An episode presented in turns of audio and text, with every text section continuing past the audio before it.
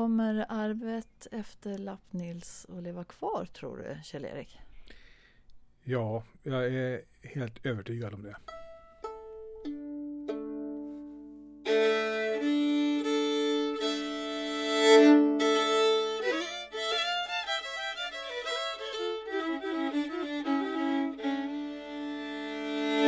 Lappnilspodden. Jag tror att Lappnilsmusiken kommer finnas kvar. Eh, både som musik, eh, låtarna kommer finnas kvar, men det kommer också göras en massa nya låtar som har benämningen lappnispolska. För lappnispolska är också benämning på en viss typ av musik. Eh, så vi vet ju liksom, det finns ju massa lappnispolska idag som man, man, vi vet ju inte om Lappnils har skrivit dem eller inte. Och vissa har han säkert gjort och vissa har han inte gjort det. Men som sagt, så det är en viss typ av musik och de låtarna kommer finnas kvar. Kanske i andra former, kanske andra namn. Jag tror att många gör, sätter namn på låtarna nu också. Eh, till exempel, vi lyssnade, hörde ju Karin Blom i tidigare avsnitt där hon spelade låten Vägarna som är en lappnilspolska efter Munter-Johan. Så jag är helt säker på att det kommer finnas kvar. Sen tror jag att det kanske inte gemene man har, kommer ha full koll på vem Lappnils var och sådär. Men det kommer alltid finnas nördar och folk som är intresserade av det här som plockar fram honom då och då. Och när vi pratar om leva kvar, då, då, antar jag att du tänker både att de kommer att spelas på traditionellt vis, men också att, att de eh, kommer att förnyas på olika sätt. Ja, jag, jag tror att det, om, man, om, man, om man blir för museal med musiken så då, då, då, blir det, då självdör den till slut. Och det är ju det tack vare att att lappmusmusiken och, och folkmusik, den svenska folkmusiken har överlevt. Att den, den har hela tiden liksom förts framåt utav spelmän, spelkvinnor som har som vill ta den i nya forum och byta instrument. Och man, man möter ju folk på ett annat sätt idag. På Lapses tid så var det svårare att träffa någon som bodde i grannbyn. För det var sådär va. Men idag kan man ha kontakt med folk i USA och Japan och man kan byta musikaliska idéer och man får så det blir en helt annat sätt att mötas.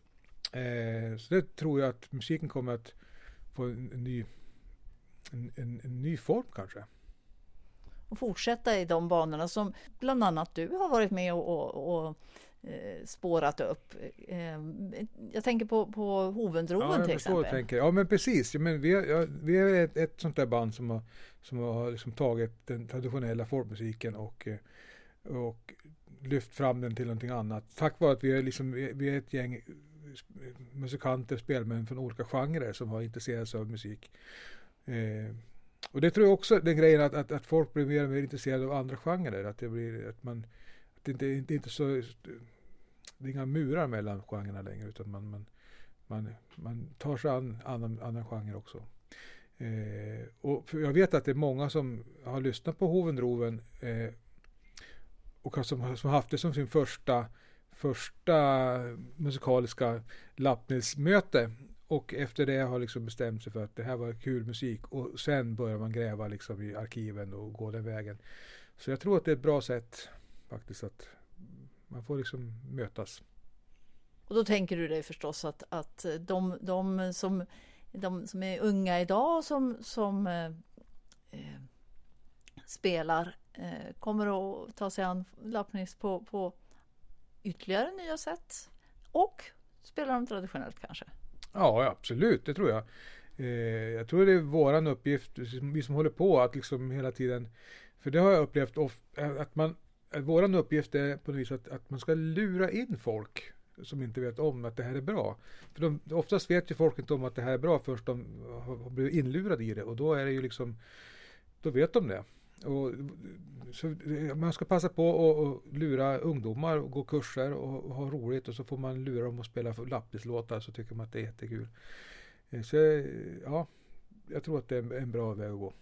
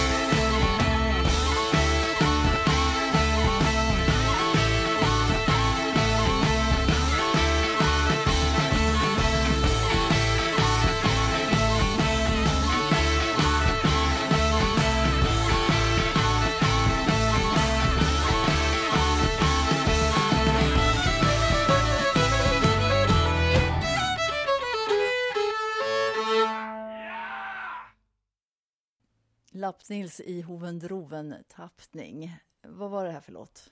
Ja, det var en eh, polska efter munspelaren Elias Jonsson i Offerdal. Elias, mm, Elias. Eh, och eh, lappnilspolska såklart. Eh, vi döpte om den här låten till eh, morsepolska. Man tyckte att B-delen lät som en, ett morsemeddelande. Och vad skulle det morsemeddelandet säga då? Ja, alltså, Lappnils Forever kanske. Såklart. Men du, alltså kommer minnet av Lappnils, personen Lappnils att leva kvar tror du? Ja, det, det tror jag faktiskt. Eh, det har ju skrivits en del om han och vi har ju lyft upp honom i det här året och så här. Så jag tror säkert det kommer finnas en, en fascination, fascination över hans, hans liv och så där. Det tror jag, absolut. Du menar i och med att låtarna eh, lever kvar så, så, kommer folk fortsätta att intressera sig för berättelserna om honom och, och så?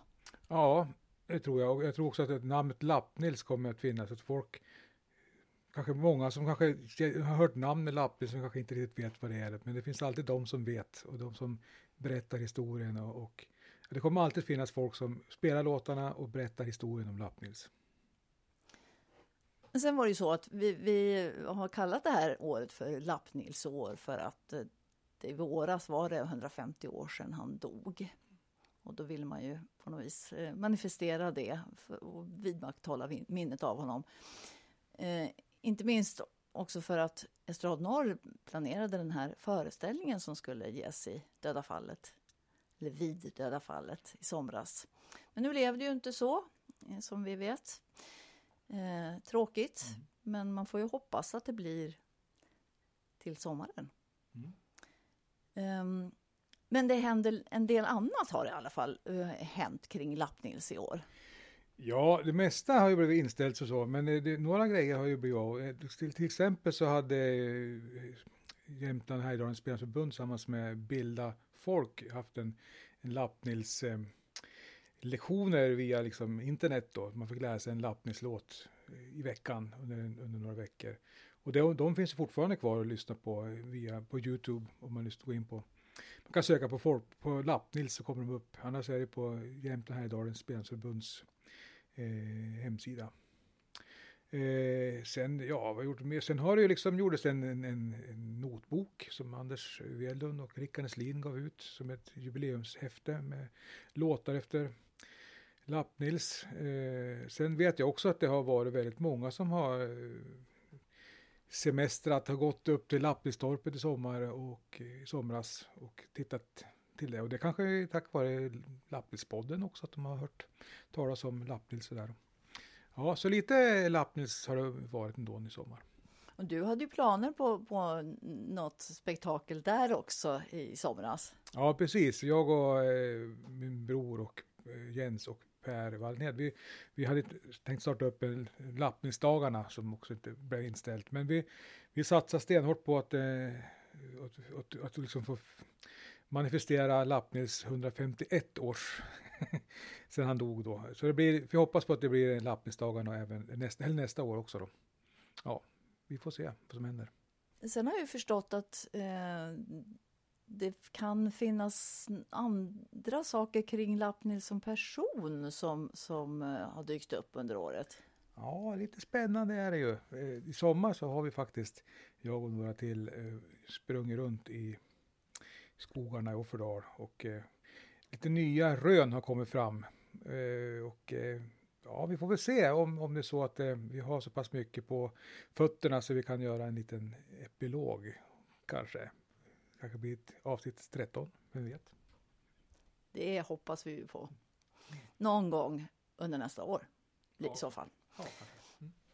Men om vi då ska återvända till det här med föreställningen.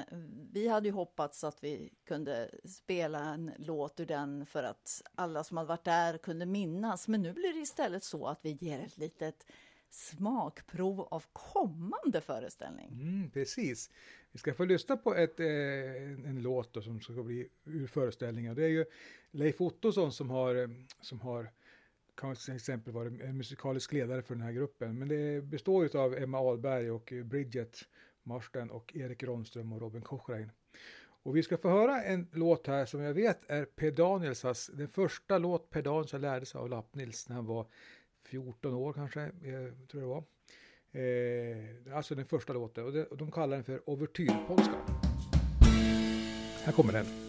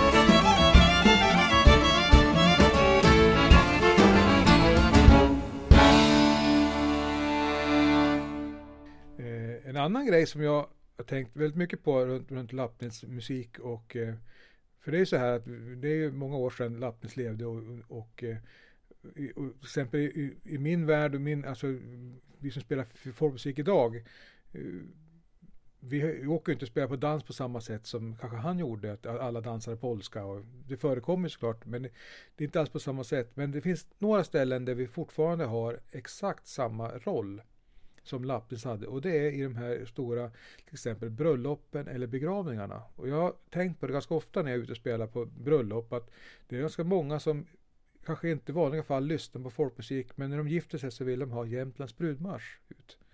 Och det är ju en av Lappis låtar sådär. Och även på begravningar så vill man gärna ha någon, kanske fiol, då kanske Jämtlands brudmarsch, alltså inte brudmarsch men kanske Jämtlandssången. Som också är en låt som Lappins begagnade sig av på den tiden. Och, och just där möts vi och, och, och, musiken används på samma sätt som den gjordes på Lappnings tid. Och det tycker jag är väldigt häftigt. Och vad passar då bättre än att spela just Jämtlands brudmarsch som avslutning på de här tolv poddarna? Det är helt fantastiskt bra. Och då ska vi vilja, vi ska lyssna på två inspelningar här. Den ena är kanske en av de äldsta inspelningarna på Jämtlands brudmarsch. Och det är Morten Andersa och Nils Olsson som blev inspelade på fonografrullar någon gång i början av 1900-talet. Man får lyssna väldigt noga så hör man fiolen långt bak där. Och sen får vi lyssna på Leikstolaget när de spelar eh, Jämtlands brudmarsch.